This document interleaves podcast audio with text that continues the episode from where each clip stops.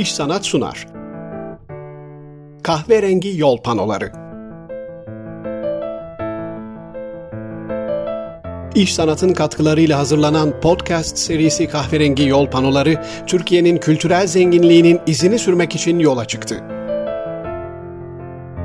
Öğren yerlerinden müzelere, anıt yapılardan sanat eserlerine, kahverengi yol panolarıyla işaretlenen değerlerimizle ilgili yapacağımız yayınlarda bilim ve kültür dünyasından isimlerle söyleşiyoruz.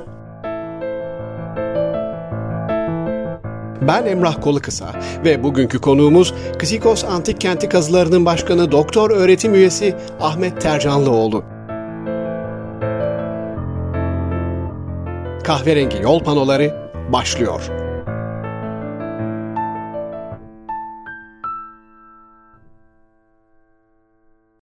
Kahverengi yol panolarında konuğumuz doktor öğretim üyesi Ahmet Tercanlıoğlu. Hocam her şeyden önce e, çok teşekkür ediyorum katıldığınız için kahverengi yol panolarına. Efendim bu imkanı bana ve Kizikos Antik Kenti'ni tanıtmak için bu şansı ve ortamı sağladığınız için ben sizlere teşekkür ediyorum. Çok teşekkürler hocam. Siz de söylediniz. Kızikos antik kenti. Biraz bugün e, Kızikos'tan bahsedeceğiz sizinle. Biliyorum ki kazıların da başına aslında yeni geldiniz. Biraz onu da e, anlatırsınız. E, siz bir yandan çünkü o e, Bandırma 17 Eylül Üniversitesi İnsan ve Toplum Bilimleri Fakültesi Sanat Tarihi bölümünde de yine öğretim üyesi olarak e, iş çalışmalarınıza devam ediyorsunuz. E, hocam şimdi şöyle başlayalım. Tabii Bandırma e, Bandırma ve Erdek arasında ama galiba daha çok Erdek'e mi yakın Kızikos? Bir coğrafi konumunu önce isterseniz e, tanımlayalım mı? Efendim, e, Kizikos Antik Kenti e, Erdek idari sınırları içerisinde ancak Erdek idari sınırları içerisinde olmasına rağmen Bandırma ve Erdek'e ortak mesafede.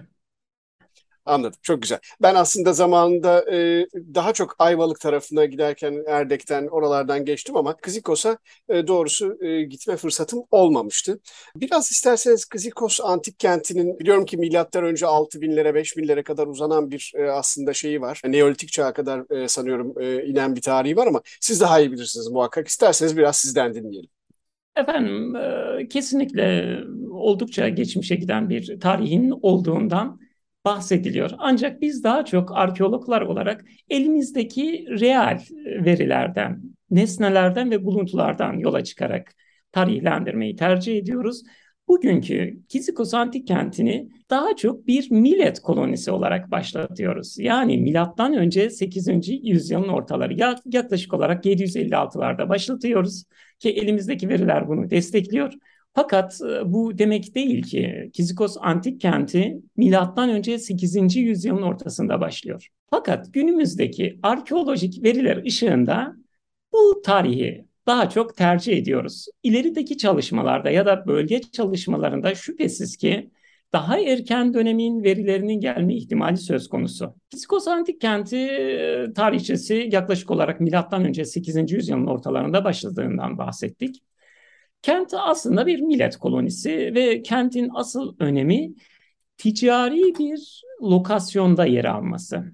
Yani Akdeniz'de başlayan bir rotanın Karadeniz'e geçerken Güney Marmara tombolosuna hakim bir noktada milletlilerin kolonileştirmeyi tercih ettikleri bir lokasyon. Bu da kenti bir devamlılık sürecine taşıyor. Millet kolonisi olarak başlayan kent daha sonra gerek arkaikte, gerek klasikte, gerek Hellenistikte ve özellikle Roma'da ihtişamlı bir kent tarihçesi bize sunuyor. Tabii ki bu ihtişamın içerisinde mitolojisi, mimari yapıları, siyasi dengesi ve ekonomisiyle ön plana çıkan bir kent. Kentin e, devamlılığını genel olarak erken Bizans'ta da görüyoruz. Ancak şöyle bir durum söz konusu. Kentin bulunduğu coğrafya deprem bölgesi. Deprem bölgesi olması ve özellikle Roma'dan sonra bu depremlerin etkilerini kent üzerinde göstermesi Bizans İmparatorluğu tarafından ya da Bizans tarafından kentin iskan edilmesindeki ilk tercihini birazcık daha ikinci plana atıyor ve kentte bir seyrelme başlıyor. Ancak bin yüzlere kadar kentte bir devamlılığından bahsediyoruz. Bin yüzlerden sonra da Kizikos'un sur içi olmasa bile sur dışındaki yaşantıya dair veriler halen daha elimizde. Bu da şunu getiriyor. Aslında kentte bir kesinti söz konusu değil. Sadece gerek sentral gerekse periferal olarak bir popülasyon değişkenliği söz konusu. Ama kentte yaşam her zaman için devam ediyor. Hatta günümüzde dahi sit alanı olmasına rağmen belli bir şekilde yaşam sürüyor. Yani canlı şehirlerden bir tanesi. E, peki hocam e, Kizikos adının da Kral Kizikos'a dayandığı gibi bir e, şey okumuştum. Evet, efendim doğrudur. E, Kral Kizikos'tan gelme bir isim. Tabii ki mitolojik bir e, varsayım. Ancak bu varsayımımızı gerek erken dönem gerekse Roma dönemi sikkelerinde Kizikos'u çok fazlaca görüyoruz. Ve bundan dolayı da mitolojik ya da bir imparatorun mitolojikleşmiş bir yaşamı ya da bu isimle kişileştirilmiş bir yapı olarak Kizikos antik kenti e, beden buluyor. Peki Büyük İskender'in de buradan e, yolu geçmiş sanıyorum değil mi? Efendim şöyle bir durum söz konusu. Büyük İskender e, Anadolu'ya geçerken doğrudan Kizikos antik kentine uğramıyor. Bölgenin yakından geçiyor ancak Hellenistik dönemin gerek mimari, gerek mitolojik, gerekse sanatsal bütün özelliklerini son noktasına kadar Kizikos antik kentinde görmemiz mümkün. Bir de bir yerde şöyle bir şey okudum hocam. Ee, e, Anadolu'daki en büyük antik tiyatrolardan biri aslında Kizikos'ta e, imiş e, fakat sonra tanıyorum e, bayağı bir e, toprak altında e, kalmış. Bununla ilgili bir e, bulgu ya da e, veri var mı elimizde? Efendim e, Anadolu'da amfiteyatro sayısı oldukça kısıtlı. Üç amfiteyatr var. Bunlardan bir tanesi Kizikos, bir tanesi Pergamon günümüzdeki Bergama ve bir diğeri ise Anazarbos. Şöyle bir durum söz konusu. Kizikos amfiteyatro bunların içerisindeki en büyük amfiteyatrlardan bir tanesi. Çapı yaklaşık olarak 155 metrelik bir çapa sahip ve bu çapıyla Roma Kolezyumuyla baş başa baş e, gelebilecek mimari bir yapı oldukça önemli bir yapı. Antoninler döneminde yapılan ve gününün bütün mimari özelliklerini sergileyen ayrıca birçok amfiteyatrdan da şu şekilde ayrılan bir yapı. Dere yatağına yapılmış, şu an yaklaşık olarak 7 7 tane filaya mevcut. Bunlardan 3 tanesi oldukça belirgin ve uzaklardan görülebilir aşamadaki bu bir amfiteyatr için çok da yabana atılabilir bir kalıntı değil. Amfiteyatronun en büyük özelliklerinden bir tanesi demin Kizikos'tan bahsetmiştik. Kizikos antik kentinin isminin kökenini üzerine konuşurken buradaysa Kizikos'un eşinden bahsetmekte fayda var e, amfiteyatr üzerine konuşurken. Amfiteyatr Kleite deresi üzerine kurulu ve Kleite mitoloji odur ki Kizikos'un e, eşi ya da bu kentin önemli bayan e, aktörlerinden bir tanesi. Kleyte Deresi üzerine kurulan yaklaşık 155 metre çapında bir amfiteyatrdan bahsediyoruz. Devasa boyutlar olan bir amfiteyatr. Özellikle milattan sonra 2. yüzyılda Roma'nın kanlı sporları ve Roma'nın naomahya dediğimiz deniz savaşları için kullandığı nitelikli yapılardan bir tanesi. Genel olarak Kiskos antik kenti denizden ayrıştırılamaz bir kent. Üç limanı olan Kapıdağ Yarımadası'na yaslı bir kent ve üç limana sahip kent sayısı çok azdır. Bu da haliyle denizden kopuk olmayan, denizle sürekli bağı olan insanları gösterir. Amfiteyatırın da burada şöyle bir bağı var. Sadece gladyatörlerin savaştığı bir alan değil.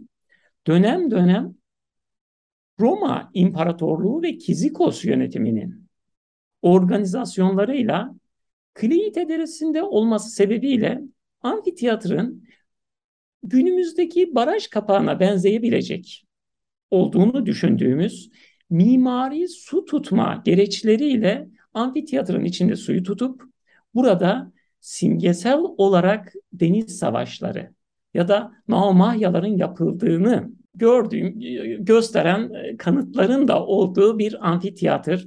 Bu açıdan oldukça farklı. Sadece dediğim gibi gladyatörlerin savaştığı bir alan değil. Naumahyaların simgesel olarak sergilendiği ayrı bir gösterim alanı. Bu açıdan da oldukça önemli bir yapı. Tabii. Çok ilginç gerçekten yani o söylediğiniz deniz savaşlarını böyle bir amfiteyatronun içinde yapmak çok önemli bir vizyon bir yandan da. Çok ilginç. Efendim birkaç açıdan bakmak lazım. Birincisi su yalıtım sistemlerinin çok iyi olduğunu görmek gerekli. Çünkü ciddi şekilde bir eğim üzerinde ve bu eğimde bu suyu zemini sağlamlaştırarak tutmak ki amfiteyatrlarda şöyle bir özellik var onu da göz önünde tutmak gerekli. Amfiteyatrlarda bazen hayvanlar e, amfiteyatronun alt kısmından çıkar. Ve bu tarz bir ortamda zemini sudan yalıtmak da başlı başına mimari bir başarı ve burada bu bölümlemeleri de yapabilmek büyük bir başarı. Tabii ki günümüzde sadece amfiteyatronun seyirci bölümünü taşıyan fil ayakları mevcut. Haliyle ciddi bir tahribat var ancak diğer amfiteyatrlarla karşılaştırıldığında işte Pergamon olsun, Anazarvos olsun bunlarla karşılaştırıldığında yine de nitelikli bir şekilde mimarisini ve genel ölçülerini ortaya koyabileceğimiz kalıntılar günümüzde mevcut. Hocam üç tane limanı var dediniz. Tabii bu aslında evet. Ksikos'un e, zenginliğinin de nereden geldiğini biraz bize gösteriyor sanıyorum ticaret evet, e, anlamında. Zaten e, Karadeniz'e e, geçen e, yol üzerinde demiştik. E, şimdi biraz isterseniz kazılar burada ne zaman başladı? Yani 90'lardan sonra biraz daha düzenli bir şey oldu biliyoruz galiba ama öncesinde de e, sanıyorum e, zaman zaman yapılan kazı çalışmaları olmuş değil mi? Efendim şöyle bir durum var. Kiskos Antik Kenti Türkiye'deki birçok antik kent gibi resmi kazıların dışında bir araştırma süreciyle Cumhuriyet'in özellikle 1980 sonrasında kazılarına başlanan antik kentlerden birisi. Ancak Kizikos şöyle bir ayrıcalığa da sahip. Kizikos'taki isterseniz ilk araştırmalardan başlayalım. Buradan kazı sürecine geçelim. Kizikos'taki ilk araştırmalar yaklaşık olarak 1450'lerde 1440'ların başında ve 1450'lerde Ankonalı Kiryakus'la başlıyor. Kiryakus'un iki gezisi mevcut kente ve kentle ilgili ilk derli toplu bilgileri biz Ankonalı Kiryakus'ta görüyoruz. Yani 15. yüzyılda Avrupa literatürüne gerek e, çizimlerle gerekse literatür anlamında katkı sağlayan Ankonalı Kiryakus'un Kizikos verileri Venedik ve İtalya'ya ulaşıyor. Ardından 1490'larda Bonsignero isimli bir gezgin Kizikos'un bulunduğu alanın yani Kapıdağ'ın bir haritasını çıkarıyor ve bu harita günümüzde eskiz olarak da olsa mevcut. Bu araştırmalar 1600'lerde yoğunlaşıyor. Özellikle 1600-1700'lerde bir İngiliz araştırmacı ağırlığı mevcut. Ardından 1700-1800'lerde Anadolu'da olduğu gibi işte Texier Perrot ikilisi ya da diğer önemli seyyahların en önemli uğrak noktalarından bir tanesi oluyor. Tabi bu veriler 1850'lere kadar ciddi şekilde bir yığılma oluşturuyor. Avrupa'daki gerek e, coğrafya kulübü olarak o günlerde çoğu arkeolojik verileri derleyen dernekler anılıyor. Bu coğrafya kulüpleri ya da dernekleri ilgi göstermeye başlıyorlar Kizikos'a ve Osmanlı'dan Osmanlı döneminin sonlarına doğru kazı istekleri de oluyor. Ancak resmi olarak bir kazının başladığına dair şu anlık elimizde bir veri yok. Ta ki 20. yüzyılın ortalarına kadar önemli hocalarımızdan bir tanesi Sayın Akurgal'ın bir ziyareti söz konusu. Akurgal'la birlikte e, literatürümüzde görmeye başlıyoruz. Ardından 1980'lerin ortasında yüzey araştırmalarına gelen hocalarımızdan Sayın Abdullah Yaylalı, Profesör Doktor Abdullah Yaylalı, kentin Hadrian Tapınağı olarak adlandırılan kısımda ilk kazılara başlıyor. 1980'lerin sonlarına doğru. Ancak e, o günün konjöktüründe yaklaşık olarak 1990'ların ortasına kadar devam ediyor kazılar ve burada kazının birinci evresi sonlanıyor süreçte sadece Kizikos Hadrian Tapınağı kazılıyor ve bölgede belli araştırmalar yapılıyor. Ardından Profesör Doktor Nurettin Koçan 2006 yılında Kizikos Antik Kenti kazılarına başlıyor. Ağırlık yine dünyanın en büyük ikinci Roma tapınağı olan Kizikos Hadrian Tapınağı'nda devam ediyor. Ve Kizikos Hadrian Tapınağı'nın belli bir şekilde en azından krepis uzunlukları, uzunluğu, tapınağın genel yapısı, tapınağın e, subkonstrüksiyon kısmının bir bölümü ortaya çıkarılıyor. Nurettin Koçan hocamız 1900 2021 tarihinde yaş haddinden dolayı emekli olduktan sonra bakanlığın teveccühüyle benim yönetimimde kazılar şu an itibariyle de devam etmekte. Evet ben kendisiyle de kısaca telefonda konuşmuştum. O da hatta dedi ki Ahmet Bey artık devraldı. Onunla da e, konuşabilirsiniz. E, peki hocam bir yandan da bu Adrian Mabedi'nin e, bazı bölümleri Ayasofya'da mı? Öyle bir şeyler okudum Efendim, ama. Şöyle ki biraz önce konuşurken üç limana sahip denize kıyı bir kentten bahsettik. Ve Kisikos Antik Kenti'ni diğer kentlerden ayıran en büyük özelliklerinden bir tanesi devasa mimari yapıları. Bunu çok açık bir şekilde söyleyebiliriz. Dünyanın en büyük ikinci Roma tapınağı diyoruz. Bu çok basit bir ölçü değil. Yaklaşık olarak 116 metreye 64 metre Bayağı ebatlarında bir tapınaktan bahsediyoruz. Bayağı. Ve bu tapınaktaki mermer yapı devasa parçalardan oluşuyor. Haliyle Kizikos'un birazcık daha ön planda olmadığı, siyasi yapının değiştiği, hatta bununla birlikte dini konjöktüründe değiştiği bir süreçte İstanbul gibi hem dini hem siyasi bir başkente yakınlığı, limanlarının olması, Kizikos'ta bulunan hazır işlenmiş mermerlerin bir bölümünün İstanbul ya da farklı kentlere gitmesi için gerekli ortamı sağlıyor. Ondan dolayı gerek İstanbul olsun, gerek Bursa olsun özellikle bu kentlerin imparatorluk başkenti olarak e, lanse olmasından ya da imara açık kentler olmasından dolayı Kizikos gerek Hadrian Tapınağı gerek diğer yapılardaki hazır işlenmiş mermerler bu kentlere taşınıyorlar. Evet. E, hatta daha da ilginç bir şey okumuştum. E, yine sizde e, size de onu e, sorayım. E, Atilla Alpögen'in kitabında e, Bandırma Erdek arasındaki e, yolun bir kısmının süt beyazı olduğu dikkat çekmiş 1960'lı yıllarda gittiklerinde ve orada sorduklarında yolu yapan müteahhitin aslında Kizikos'taki kimi heykelleri kırdırıp ya da kimi mermerleri kırdırıp e, yolun yapımında kullandığı e, söyleniyor. Ben tabii o yolu görmedim. Hala öyle bir yol var mı onu da bilmiyorum ama e, muhakkak e, varsa da siz görmüşsünüzdür diye düşünüyorum. Şöyle bir durum söz konusu. Tabii buna dair söylenceler mevcut. Ancak elimizde herhangi bir veri yok. Haliyle günümüzdeki yol tamamen farklı bir e, yapıda asfalt üzerinde. Ancak şunu söylemekte fayda var. Türkiye'deki birçok antik kent gibi Kizkos antik kenti de bazı şanssızlıkları yaşamış bir şehir. Bütünüyle yok diyemiyorum ancak buna dair bir e, veri, bir fotoğraf ya da bir yazı da elimizde mevcut değil. Ancak şunu görmekte fayda var. Kizikos antik kentindeki e, taşlar olsun, mermerler olsun bunların farklı alanlarda kullanılmasıyla ilgili bilgiler sadece 20. yüzyılın ortalarında değil 1800'lerin sonlarında Osmanlı arşivlerinde dahi mevcut. Kizikos surlarının bir şekilde İstanbul'a götürülerek burada kaldırım taşı yapıldığını ve imparatorluğunsa burada bu işi yürüten taşeronlara ihtar gönderdiğine dair e, e, yazılarda mevcut efendim. Bu da şu demek, e, sadece bunu Cumhuriyet dönemiyle değil, erken daha erken dönemlerde de e, görüyoruz. Ancak 1950'lerdeki e, durum hakkında herhangi bir veri elimizde söz konusu değil ama olmama durumu da yüzde yüz bu şekilde de diyemeyiz. Olma ihtimali de var efendim. Doğrudur. E, hocam peki şimdi e, siz e, kısa bir süre önce bu kazıların başına geldiniz. E, burada ne öngörüyorsunuz bundan sonra? E, daha çok nereye e, yoğunlaşacaksınız? Nasıl gidecek kazılar?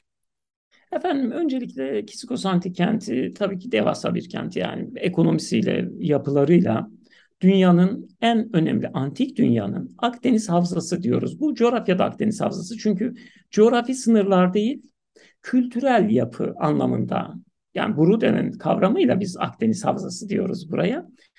Bu havzada gerek Yunan olsun gerek Roma olsun önemli bir kent. Bu kentte tabii e, aylık kazılar e, çok verimli sonuçlar doğurmuyor. Bakanlıkla ve gerek e, Balıkesir Valiliği, gerek Erdek Kaymakamlığı, gerekse Balıkesir Büyükşehir Belediyesi ve lokal belediyelerle birlikte ki Bandırma 17 Eylül Üniversitesi'nin burada çok büyük katkısı var. Tabii çatı kuruluşumuz Türkiye Cumhuriyeti Kültür ve Turizm Bakanlığı. Bütün paydaşların Türkiye Cumhuriyeti Kültür ve Turizm Bakanlığı çatısı altında bir araya gelip daha planlı 12 aya yayılan kazılarla birlikte aslına uygun olarak mümkün olduğunca ayağa kaldırılan bir kent. Ancak demin tapınan ölçülerinden bahsettim. 6000-7000 metrekarenin üzerindeki kapalı alanlardan bahsediyoruz bir sütun başlığının 20 tonun üzerinde olup 14 metrenin üzerine çıkarıldığı bir kentten bahsediyoruz. Bu kentte çalışmak haliyle çok kolay değil. Ayaklarınız çok yere basarak gerekli bütün paydaşlarla, sivil toplum örgütleri olsun, kamu kurumları olsun, bütünüyle, medyası olsun, bütünüyle el ele vererek bu büyük değeri coğrafyamıza ve dünyaya kazandırmamız gerekli. Bunun için de yapmaya çalıştığımız Öncelikle bu yıl için kazının altyapı sorunları.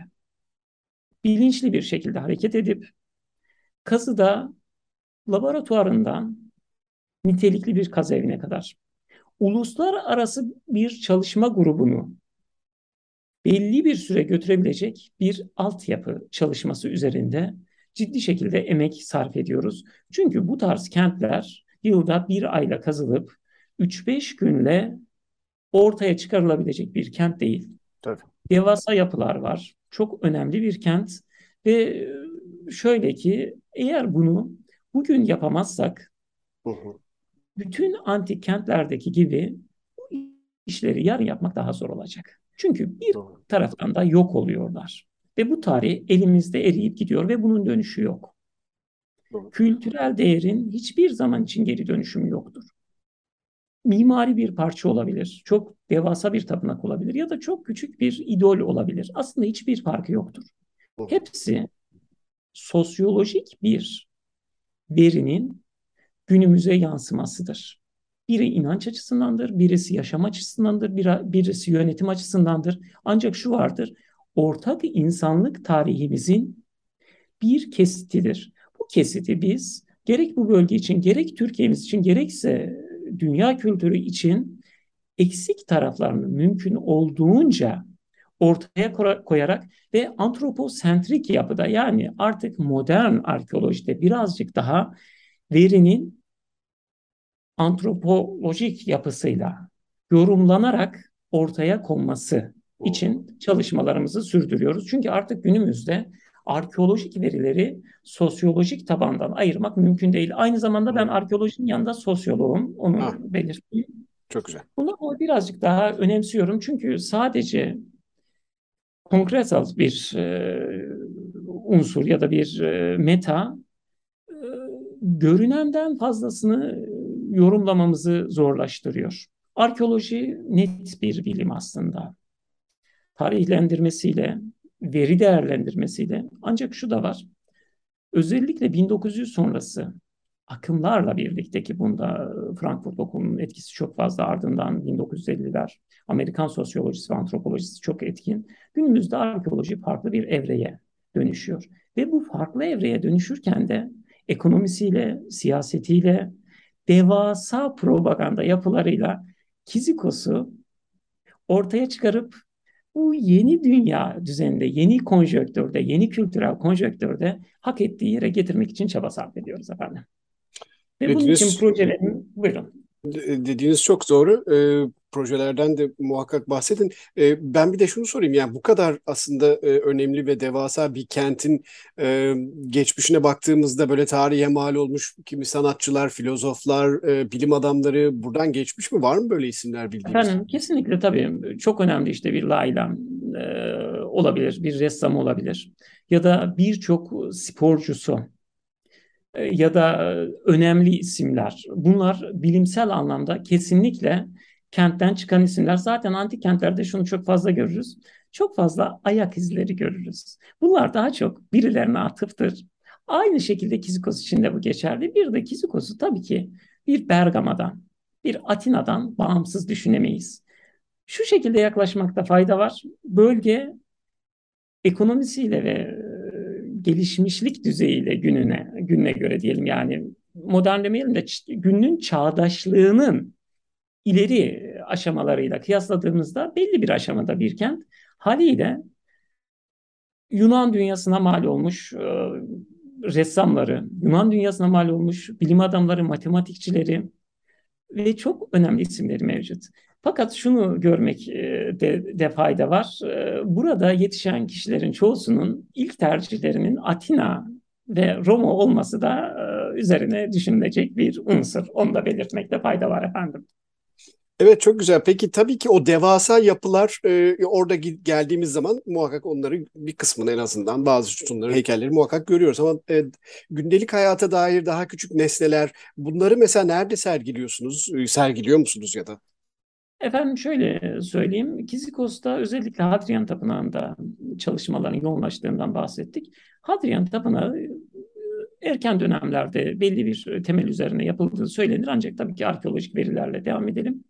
Zeus tapınağı olarak yapılıp ardından Hadrian'ın 124'teki ziyaretinden sonra ismi belli bir bağıştan sonra ya da belli bir verginin affından sonra orası tam kesin değil. Hadrian tapınağı olarak değiştirilen mabedin buluntuları daha çok sergileme ve e, gezilecek alandaki nesneleri oluşturuyor. Anadolu'da ya da Roma'da 2. yüzyılda Filiz kuşağına herhangi bir prosesi, herhangi bir olayı ya da bir anlatıyı e, yansıtan tapınak görmek çok zor. Çünkü e, insan ve hayvan figürleri yapmak oldukça maliyetli bir olay. Ancak Kizikos Hadrian Tapınağı'nda yaklaşık olarak 200 e, 320 metrelik bir alanda bir friz kuşağı mevcut. Bu da devasa bir sinematografik görüntü diyelim. Ee, buradan çıkan heykeltıraşlık eserlerimiz mevcut. Bunlar e, Bandırma Müzesi'nde sergilenmekte ve konuya değinmişken aslında soru daha çok buluntuların nerede sergilendiği ya da hangi buluntuların geldiği. Şundan da bahsetmekte fayda var. Kizikos Hadrian Tapınağı dönemine tanıklık eden önemli yapılardan bir tanesi. Roma Senatosu'nda Anadolu'daki yapılar hakkında çok fazla bir şeyler okumayız ya da duymayız. Şöyle ki doğruluğu ya da güvenilirliğini için yine de çalışmak gerekli ancak sadece bir e, eldeki küçük verilerle bunu da dile getirmekte de sanırım bir sakınca yoktur yanılma payını da ekleyerek. E, özellikle 161 sonrası e, Marcus Aurelius ve Lucius Verus'un ko-imparatorluğunda, ortak imparatorluğunda Kizikos Hadrian Tapınağı'nın Roma Senatosu'nda isminin geçmesi de enteresandır. 155 depreminde yıkılan Kizikos Hadrian Tapınağı 161'de Pius'un ölmesiyle birlikte Marcus Aurelius'un yapılmasına dair önerilerde bulunduğu ve yapılması gerektiğine dair fikirlerini senatoda ifade ettiği bir yapı. Bu yapının büyüklüğünü gösteriyor. İkinci bir nokta Anadolu'daki Doğu-Batı savaşlarının hemen hemen en iyi örneklerini sunan tapınaklardan bir tanesi. Roma-Part Savaşı verilerini bize sunar. Burada da enteresan bir nokta vardır. Yaşadığı, yaşanılan savaşla buradaki kabartmalar arasında bir paralellik söz konusu. Çünkü 160'larda Verus Edessa tarafında Partlara karşı savaşıyor ve ortak imparator. Enteresandır.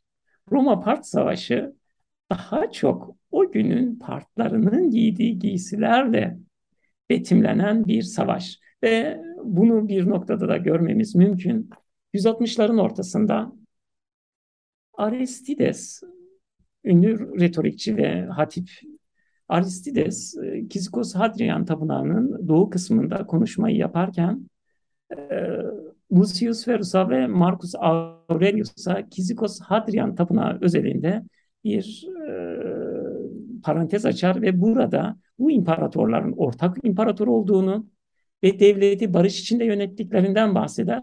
Bu da yine Kizikos Hadrian Tapınağı'nın siyasallaşmış yapısının bir göstergesidir. Bir de müsaadenizle şunu söyleyeyim yeterli zamanımız varsa tabii ki sadece Part Roma Savaşı'na ait e, frizler ya da diğer kısımlara ait kabartmalar söz konusu değil.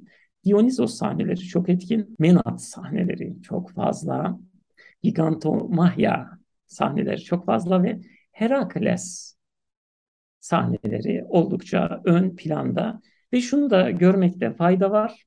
Kizikos Hadrian Tapınağı'ndaki betimler her ne kadar mitolojik unsurları da içinde barındırsa da coğrafi yapının getirdiği bazı etkileri de görüyoruz. Örneğin Herakles kabartmaları. Herakles kabartmalarına baktığımızda Stimpalos kuşları ile ilgili kırık da veriler görüyoruz. Ve burada Stimpalos mitolojisinin biraz kökenine indiğimizde hatta Yunanistan'a baktığımızda Stimpalos'un bir bataklık, bir sivrisinek ya da hastalıklara dair e, bir lokasyonda yer aldığı ve burada Herakles'in Stimpalos kuşları mitinin baskın olduğunu görüyoruz. Aynı şekilde Kisikos için de bu geçerli. Berzah bir bataklık ve insanların kendi sağlıklarını ya da o günkü yönetimin orada yaşayan tebaasının sağlığını devam ettirmek için bu tarz mitlerin de bu tapınak kabartmalarında yer alması oldukça enteresan. Yani sadece günümüze ulaşan o günün verileri değil,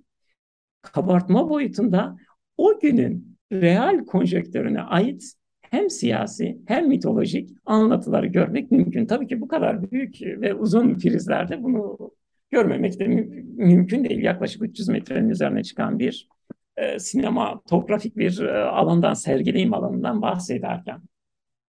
Evet gerçekten çok güzel yani gözümün önüne gelir gibi oldu anlattıklarınız o e, sinematografik e, etkiyi özellikle e, deneyimlemek e, hoş olur diye düşünüyorum. Hocam çok teşekkür ediyorum. E, siz tabii e, kazı alanından ya da oraya yakın bir yerden bize bağlandınız değil mi? Yanılmıyorum. Efendim şöyle bir durumumuz söz konusu. Türkiye'deki şanslı kazı başkanlarından bir tanesiyim. Üniversitemle kazı alanımın arası yaklaşık 8 kilometre. Bundan dolayı şu an okuldaki e, odamdan e, bağlanıyorum. Bandırma 17 Eylül Üniversitesi İnsan ve Toplum Bilimleri Fakültesinden bağlanmaktayım. Peki. Çok Ancak teşekkür ediyorum. oldukça kısa. Efendim ben çok teşekkür ediyorum bu imkanı sağladığınız için. Sağ olun. Kahverengi yol panolarına çok güzel bir renk kattınız. Umarım e, ilk fırsatta e, Kızikos'u da daha detaylı e, gezip görmek e, mümkün olur. Efendim sizleri ve bütün ilgi duyanları kesinlikle bekliyoruz.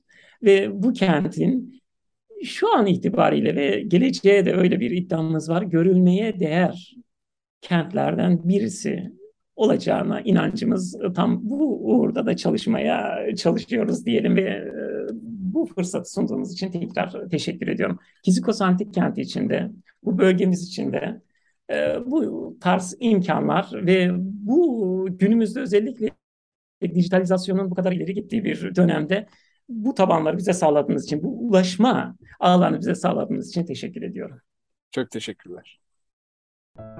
Kahverengi yol panolarında bugün Kızikos Antik Kenti kazılarının başkanı Doktor öğretim üyesi Ahmet Tercanlıoğlu ile söyleştik. Vakit ayırıp dinlediğiniz için teşekkür ederiz. İş Sanat'ın katkılarıyla yayınlanan kahverengi yol panolarının bir sonraki durağında buluşuncaya dek hoşçakalın.